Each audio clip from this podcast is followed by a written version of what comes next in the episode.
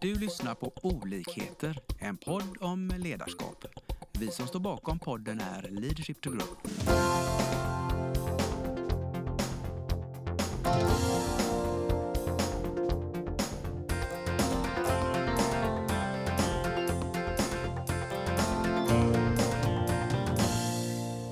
Välkommen till dagens podd. Vi som är i rummet idag från Leadership to Grow, det är jag, Lars och Lena och sen har vi en fantastisk eh, spännande gäst som jag är väldigt nyfiken på. Men du kan få presentera dig själv. Ja, jag heter Andreas Palicka. Eh, jag är ursprungligen från Lund. Jag flyttade upp till Göteborg när jag var 15 år till handbollsgymnasiet som även idag, just handboll är mitt yrke. Jag är professionell handbollsspelare. Spelar för eh, Redbergslids handbollsklubb just nu. Kommer flytta vidare till Paris Saint-Germain till sommaren. Och även en del av svenska handbollslandslaget. Spännande. Eh, och vi har ju egentligen inte dig här idag för att prata handboll för eh, du finns ju väldigt mycket i media när det gäller handboll och sådana saker utan vi vill ju lägga perspektivet ledarskap runt eh, Andreas idag. Eh, och det vi vill prata lite om det är ju att du har haft och har lite olika roller i ditt ledarskap i din, i din karriär och i ditt yrke då. Och vi definierar det som informellt ledarskap och eh, ett formellt ledarskap. Och eh, om vi börjar med det formella, det har du i landslaget, eller? Ja, nej, jag har ju eh, fått en kaptensroll till mig de senaste två åren kan man säga och är är numera kapten för svenska handbollslandslaget. Ehm, och det är en roll som jag tror har växt till mig, som man växer in i själv. Eh, jag är 35 år gammal idag och samlat på mig en del erfarenheter eh, vad gäller mitt yrke. Och ehm, ja, det är någonting som jag är stolt över. Aldrig någonting som jag har strävat efter utan någonting som har kommit till mig. Det vill jag också betona. Så att eh, eh en intressant uppgift som eh, kräver mycket ansvar. Mm. Och det är intressant det du säger, liksom, du trycker på att erfarenheten kanske är det som har gjort att du har fått frågan och tackat ja till den då. Men vad tror du mer? Alltså ledarskap handlar ju inte bara om erfarenheter, det är ju våran eh, reflektion. Nej, eh, definitivt inte. Jag tror väl eh, att eh, först och främst så är det ju en del punkter i min personlighet som eh, folk runt omkring mig eh, har sett växa eh, genom åren. Eh, och eh, sedermera tagit ett beslut om att eh, man passar in i en sån roll. Jag tror just ledarskap innefattar väldigt, väldigt många punkter.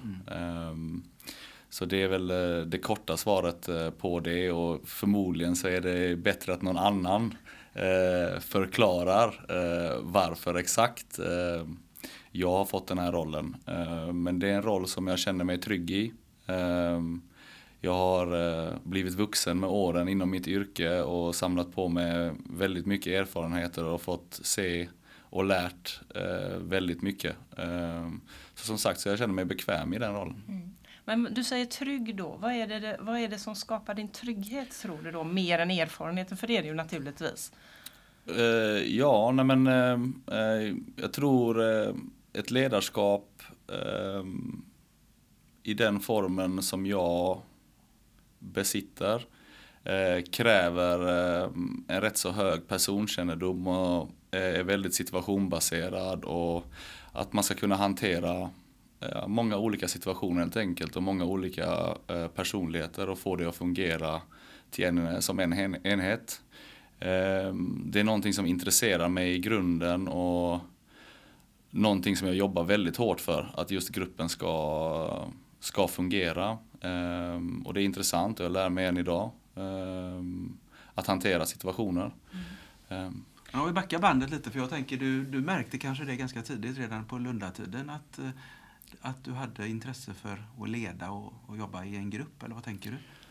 Ja, alltså på den tiden när jag flyttade upp från Lund, eh, om man säger så, alltså i tonåren och så, så, eh, så öppnades ju en ny värld för mig. Alltså ett helt nytt ansvarstagande. Man flyttade ensam till Göteborg som, som 15-åring och det var ju de grundläggande sakerna i livet som mamma tidigare gjort. Eh, bädda sängen, laga mat, eh, Skötte det tvätta, städa. alltså? Nej, helt plötsligt så lärde man sig att det fanns en annan sida i livet också. Och, eh, eh, det var ju eh, jag måste ändå eh, säga den mest värdefulla erfarenheten eh, för en ungdom i den åldern liksom, eh, som jag att bara få lära sig. Eh, just det ansvarstagandet och det gav ju en, en helt annan bild eh, av livet mm. i sin helhet. Mm. Och därifrån så, så växte eh, liksom hela kurvan. Så ansvar är en sån, det kände du där redan då 15-16-åring, att du kunde ta ansvar på något sätt trots allt? Ja, alltså jag var ju så illa tvungen till en början. Eh, man kom ju som sagt till en helt ny värld och man skulle sköta skola och man skulle sköta sin idrott och sitt vanliga liv. Och eh, jag märkte väldigt snabbt att eh, just ansvarstagande över sig själv liksom och att lära sig det först var grundläggande till att ja, man lärde sig sedan, sedan med att ta ansvar för andra människor och, och hjälpa dem och så vidare. Och det är ju någonting som vi ofta ser när vi är ute och jobbar också, att människor växer med ansvar. De mm. utvecklas och växer när de får ansvar. Eh, vi, också en koppling som vi gör mycket då i trygga ledare. Det är ju att man har en ganska rejält grundad värdegrund. Mm.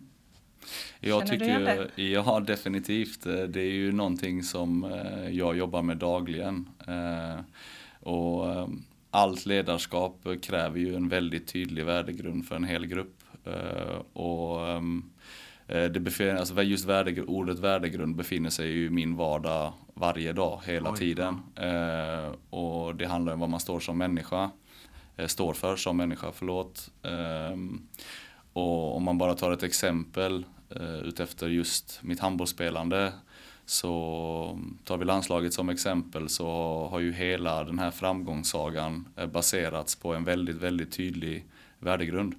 Eh, där det också blir enklare att vara en ledare. Eh, och det är för mig grundläggande mm. för att nå framgång. Var har du fått din värdegrund ifrån? Jag har nog växt in i, in i min värdegrund genom alla åren. Genom att se och lära från tydliga och väldigt duktiga andra ledare. Eh, men jag måste ju ändå nämna min mamma och pappa. Eh, det är ju självklart grunden till, eh, till hela mig. Mm. Sen är jag 35 år idag och lär fortfarande mig väldigt mycket. Men det har ju varit en, en väg att vandra där man själv har gjort flertalet misstag och lärt sig av dem och sett och lärt och nu hamnat på en position där man hjälper yngre eh, och eh, försöker få dem att förstå och stå upp för samma saker och ja, och sådana saker. Mm. Vi pratar väldigt mycket i våra processer om värdegrund som en kompass. Mm. Kan du se, om du tittar både bakåt i backspegeln och framåt, nu val som du gör, där värdegrunden har varit ditt riktlinje?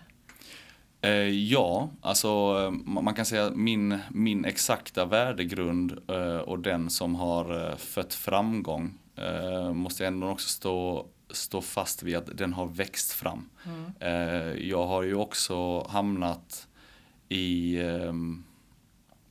grupper där värdegrunden inte har varit optimerad och där möjligheterna, nu är jag ju ute i handbollsvärlden, idrottsvärlden här då och ehm, där den värdegrunden som, som man har stått på har varit extremt otydlig eh, och svår att anpassa sig till och, och svår att leda efter.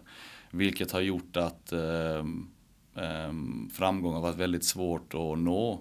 Och definitivt eh, har man haft väldigt stora problem att hantera motgångar.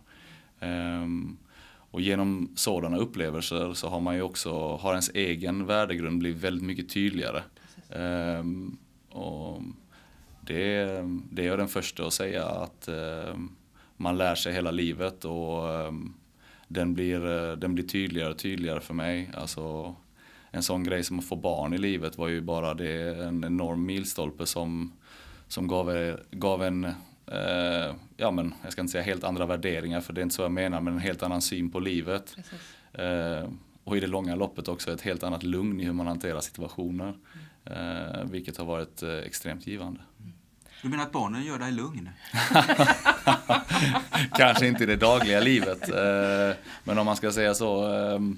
Eh, hanteringen av dem, dumt motiverat, eh, hjälper ju en i det vardagliga livet och utvecklar den. Ehm, och eh, främst som jag sa tidigare här också, ger ju en en Ja, man, man värdesätter ju livet och eh, det man står för eh, och sitt ansvarstagande gentemot, nu har du plötsligt eh, två små knoddar hemma som står och tittar på dig som eh, lär ut efter hur de ser.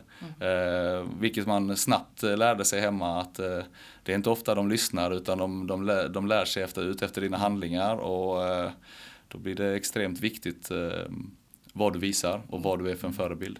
Och de skiter fullständigt vad du presterar på handbollsplanen har vi förstått. Ja, det, det För du var inte det, nummer det ett hos sonen. Det, det gör de. Nej, det, det är hårda kritiker. Jag har, jag har en dotter som säger att hon hatar handboll. Eh, Men det grundar ju sig i att i vårat yrke så är man ju borta en del och det tycker hon är eh, extremt jobbigt.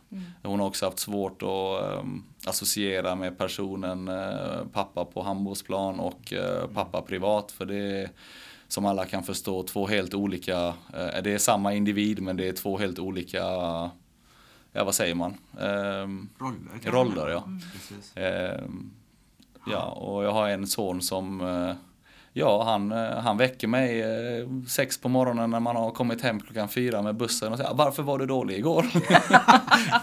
så det är mycket kärlek i det där och, eh, men eh, någonstans så har det ju hjälpt, eh, hjälpt mig något enormt eh, i, eh, ja, i min, också i min självkännedom att eh, ha den distansen till, eh, till idrotten också. Ja. Ett tips till lyssnarna är egentligen att det, barn är bra för att bli bra i ledarskap. Det, är inte det liksom någonstans eh, det största provet för, eh, för oss alla?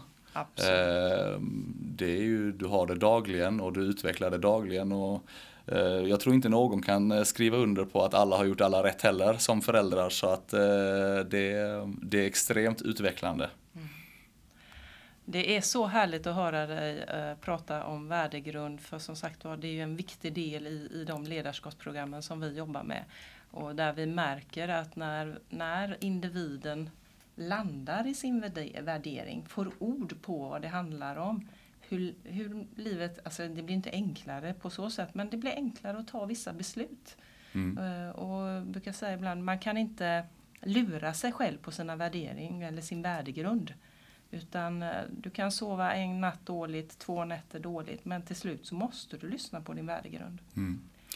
Exakt så är det och exakt så känner, eh, känner jag också. Eh, och ehm, det är en mognadsprocess det där. Eh, men jag håller med dig till, till punkt och pricka att eh, den präglar hela ens liv.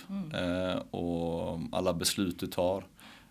Jag ska inte säga att man än idag inte tar några felbeslut för det tror jag vi alla människor, människor gör. Men det handlar om hur man hanterar dem och vad man lär sig av dem. ehm, och hur du hanterar det nästa gång. Och, och kanske också viktigt att säga till, eh, till lyssnarna här att vi värderar ju inte en värdegrund. Utan det handlar ju om eh, att, eh, om vi pratar dating då, tindri, tindra. eh, Att liksom hamna på det stället där mina värderingar stämmer med organisationens eller lagets eller klubbens värderingar. Det är ju det det handlar om. Och när man känner att det krockar, att då har man ett ansvar.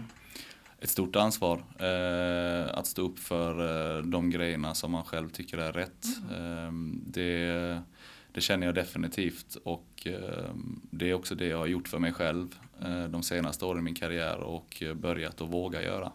Eh, för jag är så fast besluten om eh, eh, min, e- min egen värdegrund. Sen så ska man ju också lägga till att jag arbetar i lag. Eh, Det handlar om hur gruppen ska fungera och att värdegrunden eh, tas fram gemensamt. Eh, Och där handlar det ju om många ledande ord tycker jag. Men i och med att det är en gemenskap så ska ju alla personligheter passa in, få en roll. De ska må bra i den och de ska kunna acceptera den. Ehm, Och sen så ska det vara en, en grund eller en plattform att luta sig tillbaka på åt när inte allt kanske går som det var tänkt. Ehm, och där har vi byggt upp en enorm plattform just med svenska handbollslandslaget. Där jag måste höja Glenn Solberg, eh, förbundskaptenen, för hans eh, enorma insats i en i ett väldigt svårt läge i svensk handboll av många olika anledningar. Att sätta sig ner med alla de aktuella spelarna i ett och samma rum och inte lämna rummet förrän man var överens om exakt hur man går vidare. Ehm, och har lyckats binda samman detta till en så tydlig rollfördelning, ett så starkt ledarskap, där jag också då är en del av nu. Ehm, vilket egentligen i grund och botten gör det enkelt för oss som hjälper till att eh, leda, att hålla värdegrunden och vad vi förmedlar vidare. Mm.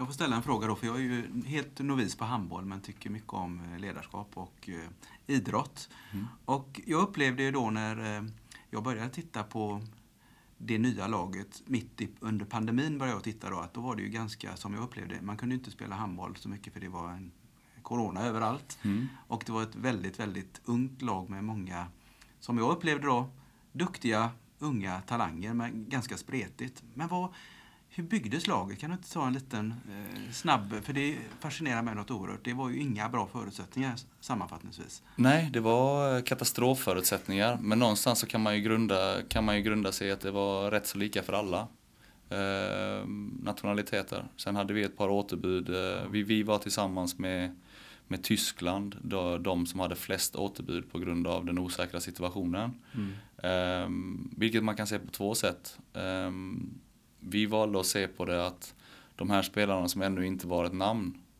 nu fick möjligheten, fick ännu tydligare, starkare roller och eh, en chans att visa vem de var. Mm. Och där grundade det sig allting i att få dem att förstå detta. Mm. Ja, och det var lite av det du sa förut då. De fick ett ansvar, vilket gjorde att de växte.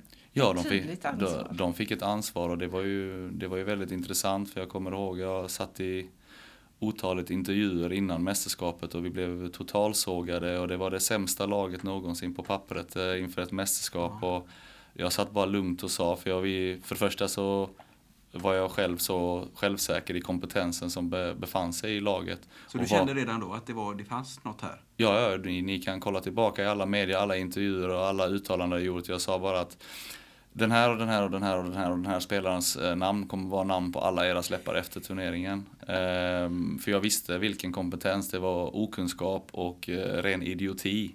Ja, eh, det media. Ja, men jag då som novis som läste media och tänkte också det här, det här känns ju inte bra. Nej, man, man, man formas ju lätt av det, det vet vi också. Därför, därför som i elitidrott då så eh, det är inte precis så att man söker sig till media. Eh, även om media är eh, väldigt viktigt för våran idrott, så det vill jag också framhäva självklart. Eh, så är det ju en, eh, kan bli en påverkan för diverse personligheter. Det kan påverka både positivt men det kan också väldigt snabbt påverka väldigt negativt.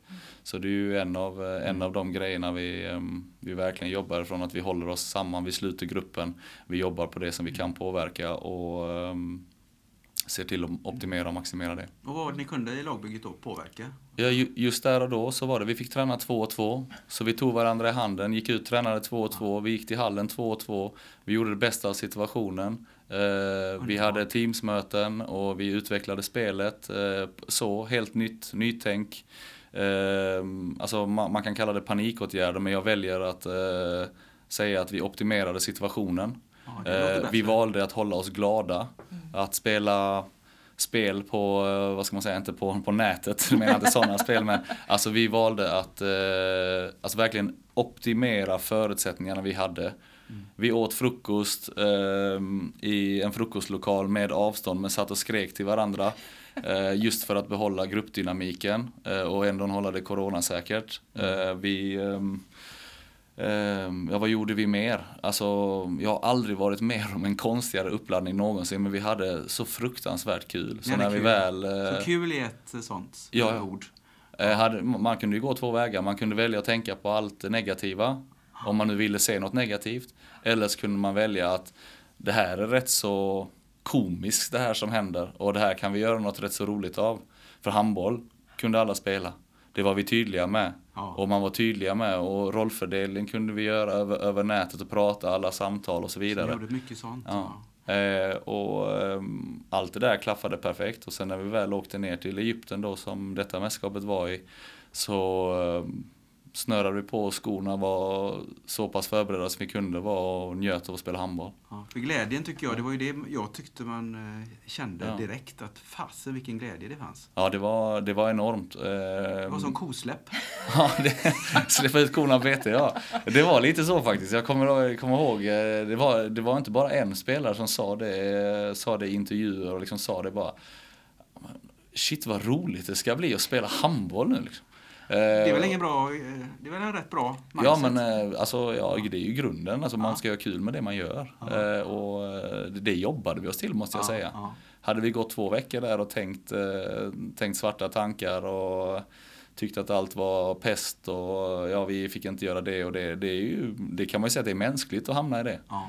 Eh, Men det visar ju återigen att falla tillbaka på värdegrunden. eh, På vad vi hade bestämt gemensamt, vad vi står för, vad vi vill stå för. Eh, Hur stark den kan vara. Mm. Eh, Och jag tror att under den turneringen så växte den här värdegrunden ännu starkare. Ja. Eh, Just på grund av detta. Gruppen slöt sig enormt. eh, Men är ändå en välkomnande för nya spelare. Men det som händer nu är ju att den är så tydlig så när nya spelare kommer, eh, kommer in så ja, de plockas in, tas om hand, ta, tas om hand. Eh, Nu ska inte detta låta som att för de- löser det mesta själva. Eh, Men de tas om hand, känner sig väldigt välkomna.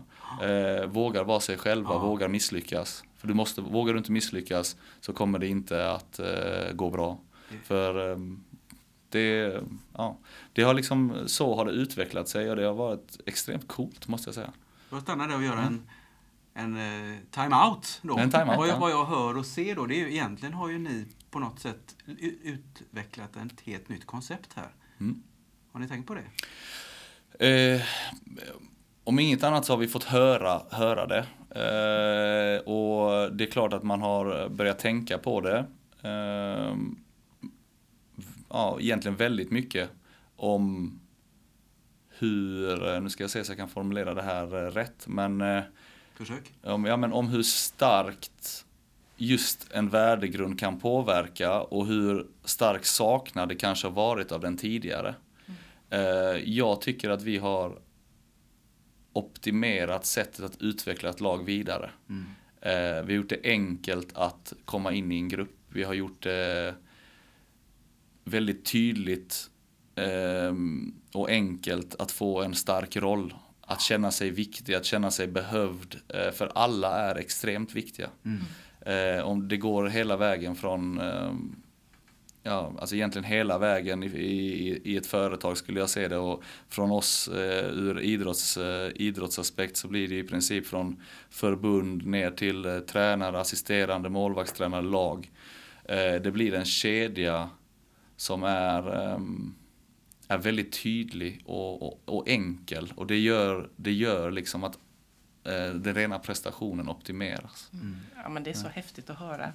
Eh, för det är lite det här också vi pratar mycket om och som tyvärr då ute i företagen, men man tar fram sin värdegrund och så blir den stående på väggen eller i receptionen.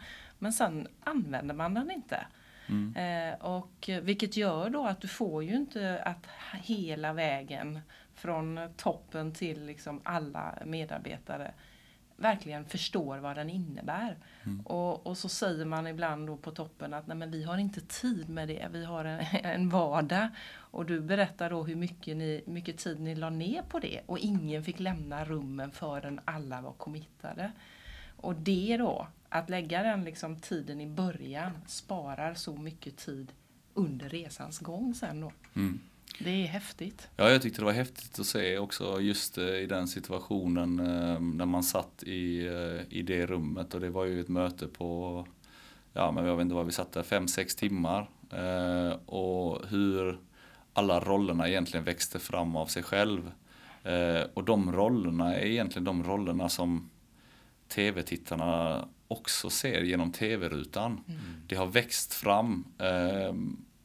Det det gavs möjlighet att ta rollerna men på rätt sätt. Det gavs möjlighet att eh, vara dig själv för första gången någonsin. Egentligen i, i ett sånt sammanhang skulle jag, skulle jag säga Var det. det det som hände, att alla fick chans att vara sitt bästa jag på något vis? Ja, eh, alltså vi gjorde ju en brainstorm kan man ju säga liksom om exakt vad vi ska stå för, hur vi vill vara som lag, hur vi, vi vill bete oss mot varandra, mot motståndare, mot domare, mot egentligen hur vi vill vara.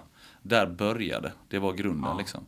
Och allt det eh, trycktes samman till ett par stödord liksom, som är våran eh, värdegrund.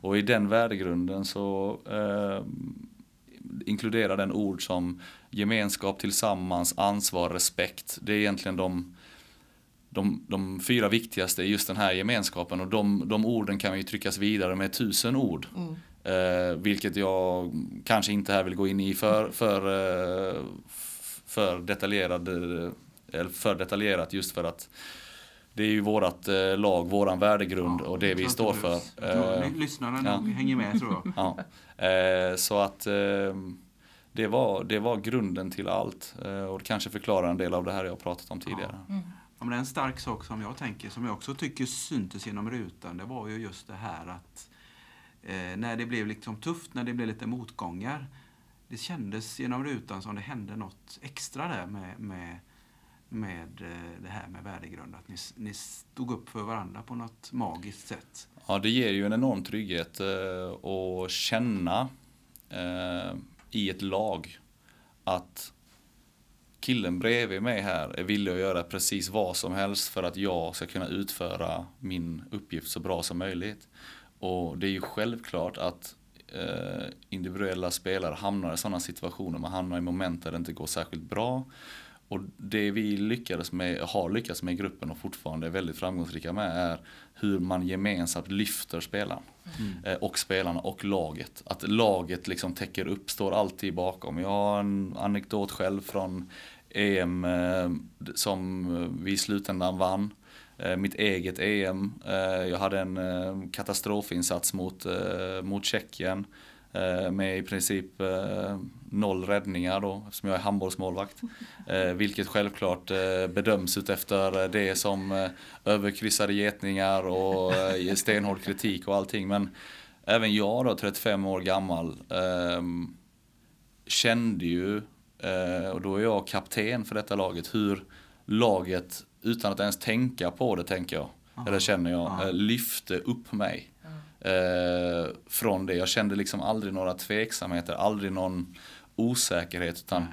ja, det var en dålig match. Mm. Väck med den och så fångades man upp och så var det, var det nya tag. Ehm, det är många sådana... Eh, det såna... blir det ju verkligen tänker jag. Det, det, ja, händer, ju något, det, ju, det händer ju något sen. Ja, ja det, det, definitivt. eh, och det är ju en stor uppgift som jag har, just det. Mm. Men att eh, Eh, för, för mig, jag måste berätta, jag berättar från mina, ut, utifrån min, eh, min, min, min position och min, eh, mitt jag nu. Och då, det var väldigt speciell, en väldigt speciell känsla. Jag kommer ihåg att vi, eller jag kommer ihåg, vi gjorde en utvärdering av EM som vi alltid gör efter varje mästerskap och då fick jag frågan, berätta ditt bästa EM-minne. Och det var den här historien. Ja. För den var ju, när jag tänker tillbaka på den, hur mycket den betydde för mig. Ja. Och vad man då insåg med vart denna gruppen hade kommit och vad, vad ledarskapet i det stora yes. handlade om. Eh, så, så var det ju i princip avgörande för mina efterföljande prestationer. Ja. Eh, och eh, det var ju inte jag ensam om utan det var ju flertalet spelare som hamnade i sådana moment som sedan av gruppen eh, mm. lyftes upp. Nu ser inte lyssnarna, nu blir jag blank i ögonen. Nej men för det är ju lite det, det är egentligen när det är som jobbigast som man ser kraften i det här med, med ett team som stöttar varandra. Mm. Det, är, är inte när ni vinner, även om man blir jätteglad, men liksom det är just när det vänder till det bättre sen. Mm, det, är, det är ju en, eh, en tunn linje mellan att vara, vänta nu ska jag säga så här, hur, en lärande förlorare eh, och eh, en som eh, faller, eh, faller igenom värdegrunden eh, och väljer att hitta problem. Mm. Eh, det är en väldigt tunn linje. Mm. Ehm, men jag måste ändå säga att det är väldigt viktigt att också vara en ödmjuk vinnare. Mm. Och förstå och hela tiden ha i ryggen vad det var som gjorde att vi nådde framgång. För börjar mm. man ta på de här punkterna och man börjar ehm, flyga iväg då går det snabbt åt andra hållet och då har du ingenting att falla tillbaka på. Nej. Så värdegrunden är med hela vägen. Mm. Men prövas såklart eh, som tydligast i motgång. Mm. Eh, tycker jag då. Mm. Ehm, och där har jag personligen fått vara med om, eh, om både genomfall och eh, värdegrunder som står som diamant. Mm. Det går inte att tränga igenom. Nej. Eh, så det, eh, där har jag själv lärt mig enormt mycket. Hur man eh, hanterar sådana, sådana situationer. Eller hur jag tycker att man ska Ja. hantera Nej, men det, sådana det finns ju någon magi i det nästan, tänker jag. Och Jag tror ju man kan plocka in mycket som vi, vi jobbar ju med företag, att det finns väldigt mycket att hämta här i, i det ni gör och Mm. har bevisat att det går att göra. Ja, det är ju jätteroligt. Själv sitter jag här nervös och blir... det här är outforskad mark för mig. Ja men du, du hör ju att det, liksom, det är samma parametrar som går att använda i organisationer också. Mm. Nu skulle jag vilja hoppa över till det här eh, informella ledarskapet då. Eh, För som du säger, eller som vi pratat om då, att det formella, då, då har man ju fått rollen eller man har arbetat fram rollen då. Mm. Det låter ju väldigt mycket som att ni har arbetat fram rollen tillsammans utifrån personens styrkor. Eh, nu har du ju, eh, vi ska ju egentligen inte prata tid i det här, men vi är ju i en tid där du är i, hemma i Sverige, en parallell.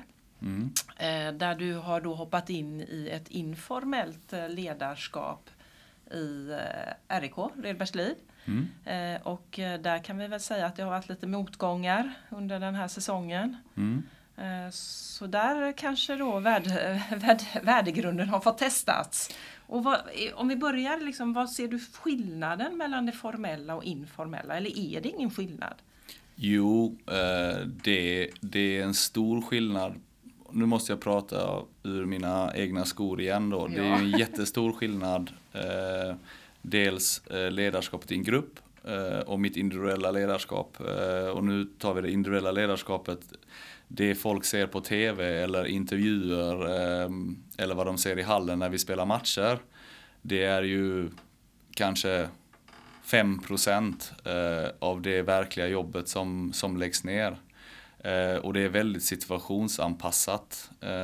Det, mitt personliga informella ledarskap sker ju dagligen på träningar och samtal och ehm, stöttning genom egna erfarenheter. Att få, det är egentligen samma grundläggande sak som vi pratade om innan.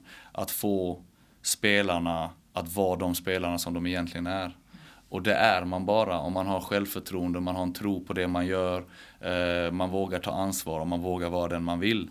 Och då tycker jag det är en stor skillnad i hur man hanterar det är helt per personlighetsanpassat och personanpassat. Eh, för alla är olika. Alla befinner sig i olika utvecklingar i deras karriärer. Eh, reagerar olika på olika saker. Eh, så det kan vara allt från ehm, att man förmedlar en gruppinformation eh, om hur vi ska förbättra ett eh, eventuellt eh, spelsystem till att man sätter sig med en individ och pratar eller att man nappar en individ som man märker eh, hänger med huvudet eller inte mår bra. Eh, att man går och käkar en middag eller en lunch med någon och bara för att vara en kompis också. Det, det handlar mycket om att eh, generera trygghet eh, och få dem att eh, må bra. Det är väl så jag kan summera den största rollen som jag har tagit i RIK just. Gentemot att befinna mig i svenska landslaget där man ändå måste säga att um, där är spelare som kommit längre i sina karriärer som har upplevt, eh, upplevt mer. Eh, helt enkelt. Eh, det är fortfarande olika personligheter och så men det är, en, det är ändå en jättestor skillnad. Jag kommer också till en grupp i RIK eh, som har byggt upp delvis, alltså delvis sin egen struktur. Eh, och det är en tunn linje för mig att bidra med mina erfarenheter, antingen för mycket eller perfekt. Och den jobbar jag med, eh, med varje dag. Eh, hur man ska förmedla detta, hur man ska få, få individer och gruppen att, eh, att jobba optimerat. En eh, reflektion jag gör egentligen då, det är ju ändå att det, det är ju, grunderna är ju, låter ju som det är detsamma. De är, de är exakt samma men det blir svårt, eh, svårt att förklara för det är två eh, det enkla sättet jag kan förklara är väl som att det är två helt olika företag. Ja. Yes. med två helt olika förutsättningar. Eh, och, eh, och, och, och värdegrunderna är olika. Eh, ledarskapet är olika och det som förmedlas är olika men vi strävar fortfarande mot samma sak.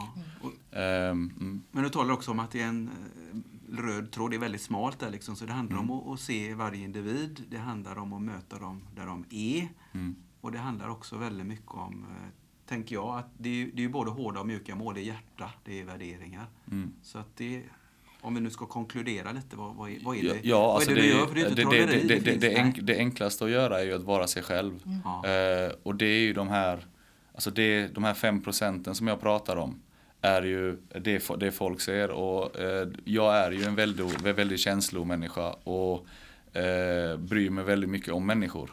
Eh, och det är väldigt viktigt för mig att folk runt omkring mig mår bra, att de känner att eh, eh, som sagt att de vågar vara sig själva, vågar säga vad de tycker. Eh, och det någonstans får man summera ihop i någonting som ska fungera i en grupp. Eh, men jag måste också tydliggöra att jag har ju inte varit med i RIKs grupp från första början. Och det är det som gör, den här, det är den här linjen jag pratar om, när man Mm. klampar in med min erfarenhet, som jag klampar in, jag älskar att komma till RIK, men när man kommer dit så måste man passa sig för vad man förmedlar också redan från början. Man måste suga in, ta till sig, hur fungerar allting här? Det tar, det tar såklart en tid, det är ingenting som sker på en natt, utan, och sen utveckla det långsiktigt. Eh, och sen dessutom så lever vi i en resultatinriktad värld, du ska vinna matcher.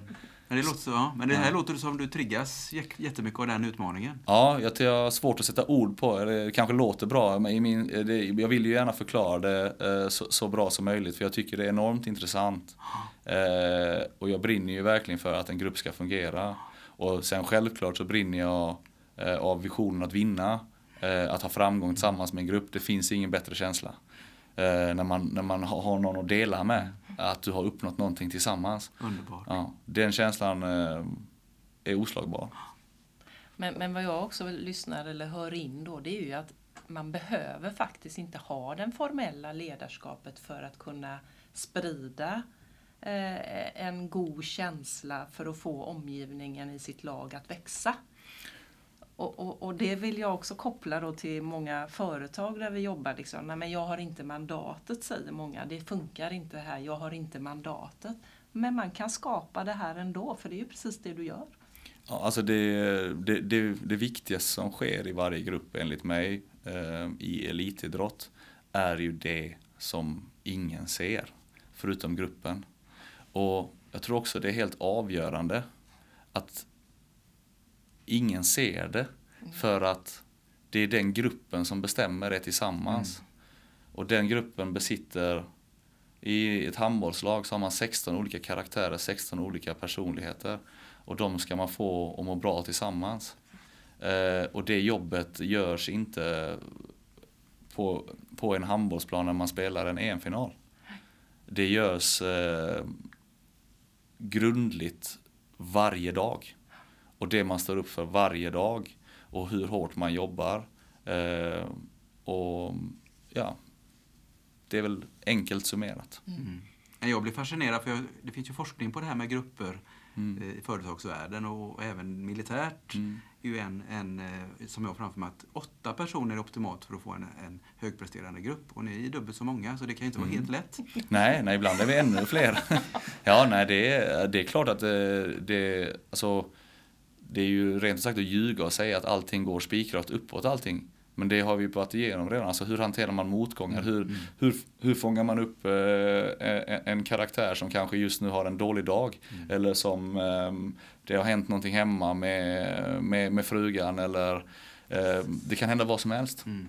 Du kommer till en träning och det, det är samma eh, 16 karaktärer som kommer dit. Men de har 16 olika personligheter och har varit med om 16 olika saker. Ja. Eh, så det är ju någonting som, som man måste ha respekt för. Ja. Eh, man måste hantera det varsamt. Eh, och som jag sa tidigare, ibland så är det faktiskt så att det finns, finns, finns, finns de som faktiskt bara behöver en kram ändå. Ja. Eh, Svårare så behöver det inte vara. Svåra behöver det inte vara. Som kanske som inte behöver någon press lagd på sig den dagen eller som behöver ha tillsagt det här eller det. De, är inte, de kan inte ta in informationen då. Underbart. Och det, Men det gäller att Det- se det till att det här är en kram, här är det liksom inte en, en örfil eller... ja, ja en örfil skulle jag nog aldrig ge. Det må hända att i, i, i, alla, i all elitidrott så är det klart att röster höjs ibland. Eh, Det måste det göra, göras. Eh, Och det, det vill jag ändå vara tydlig med att eh, det, det, allting där hänger ihop. Det är en, det, det är en tydlig linje eh, att hålla sig in, innanför ramarna, värdegrunden, eh, att eh, stå bakom den. Sen så sker det ju, som jag säger, att man har en dålig dag, att eh, man har förlorat en match och det, den känslan är ju värdelös. Det finns, eh, det är så, och speciellt om du, det kan jag också tänka mig, speciellt om du, du förlorar och så har du ju själv kanske presterat dåligt, man känner sig ansvarig, man känner sig, alla de här känna, eh, känslorna som kommer, att man känner, man, man, man nästan eh, skäms. Mm. Men det är ju det som gruppen fångar upp och på något sätt förklarar att alltså, eh, det är inte så. Mm. Vi vann tillsammans, vi förlorar tillsammans, imorgon är en ny dag, vi jobbar vidare. Mm. Det, det är så enkelt. Underbart. Du, om vi uh, hoppar en, en, vi gör en bro till utifrån du säger att det händer ju ibland att man måste då få höja rösten och vi då som uh, ibland då tittar på handboll, mm. vi kan ju höra de här timeouterna ibland att det höjs röster. Mm. Berätta lite för oss, var, var är, var, varför har vi timeout? Och, och... Nej men det finns olika, alltså timeout är ju en, en taktisk paus för att, för att försöka optimera det egna den egna prestationen. Eh, det kan vara en timeout eh, när ingenting går som det ska. Man kan ha stött på taktisk patrull på andra sidan som, eh, som överraskar en. Det kan, till, det, det, det kan också vara en timeout när allting funkar som det ska för att man ändå ska gå igenom ett par saker. och de, de är helt olika, det är tusentals olika mm. scenarion. Men det är ju ett väldigt kraftfullt verktyg kan jag tänka. Det, det är ett väldigt värdefullt verktyg och kan ändra eh, utifrån vårat språk då, matchbilden totalt eh, och få, ehm, eh, ja, få, en, eh, få en enorm effekt. Mm. Hur, hur, gör man då en bra timeout? En, en bra, ja den är, den är också situationsanpassad. Eh, jag kan tycka att eh, jag har varit med om tränare som tar timeout efter tre minuter och bara väldigt situationsanpassad med 0-5 i, i, i ryggen liksom. Och, egentligen bara för att väcka laget. Ehm, jag, de timeouterna som, som jag tycker är de mest fascinerande är de när man har analyserat vad som har hänt och även från spelares håll när de kan komma in med detaljer för att strukturera upp eh, och få till, eh, få till eh, ja, men en enorm effekt från gruppen. Mm. Att här ska vi anfalla, här ska vi, så här ska vi försvara oss, så här ska vi bygga upp det. Eh, och det tycker jag är enormt coolt att se. Att man även fångar upp en, en specifik individ kanske för att optimera hans eh, kunnande. Mm. Eh. Är det olika personer som liksom tar lead i de olika timeouten? Ja, alltså i grund och botten så är det ju ledaren, ledaren, det är ju tränaren. Mm. Men det här har ju utvecklats eh, och är själv väldigt fascinerad av det. Jag får, höjer ju Glenn Solberg här återigen då. Eh, I hans ledarskap och i hans ska man säga, eh, självsäkra ledarskapsroll. Att han ger spelare så mycket ansvar eh, och han, att han dessutom kan se på dessa spelare att de växer av detta ansvaret och presterar ännu bättre. Eh, gör ju att i svenska landslaget så har vi ju en spelare som mår väldigt bra av att eh, strukturera upp i timeouterna vad gäller anfallsspel. Eh, medan jag och, och en till eh, ofta säger en, två enkla saker om försvarsspelet. Och det är en väldigt tydlig rollfördelning och ett väldigt stort ansvar att ge ut. För detta har ju eh, utåt sett återigen då, om man då ska se motsidan av det, eh, kritiserats och ifrågasatts och folk, det är ju en helt ny grej och folk, folk eh, förstår inte. Eh, för just för att det är helt nytt och, och, eh, och egentligen oprövat. Men i grund och botten så grundar det sig i enorma förberedelser, en enorm trygghet. Mm. Eh, och är egentligen självklart för denna grupp. Mm. Och jag tänker också att det bygger på individernas styrkor då. Vem är bäst att uttala sig i de olika situationerna? Mm. Alltså det, det mm. bygger ju på ett eh, enormt tydligt ledarskap att, eh, och grymt ledarskap att kunna se det här och tillåta detta. Fantastiskt. Men vi, vi bestämde väl det att det här kommer du skriva en bok om sen och sälja för företaget. ja, det här var väldigt intressant. Du, eh, Andreas, tusen tack för att vi fick ha dig här. Eh, och eh, till er där ute, testa en timeout på en ledningsgruppsmöte och se om ni kan få samma effekt som eh, svenska landslaget i handboll har fått på sina timeouter. Det kan Tack även jag varmt rekommendera. Ja, det är Tack bra. för att jag fick komma. Tack. Stort tack. Vi hoppas att vi har väckt tankar om hur du kan utveckla och stärka ditt personliga ledarskap. Följ oss gärna på våra sociala medier där vi heter Leadership to Grow. Om du vill ha mer inspiration och verktyg, gå in på vår hemsida leadershiptogrow.com. Tack för att du lyssnar.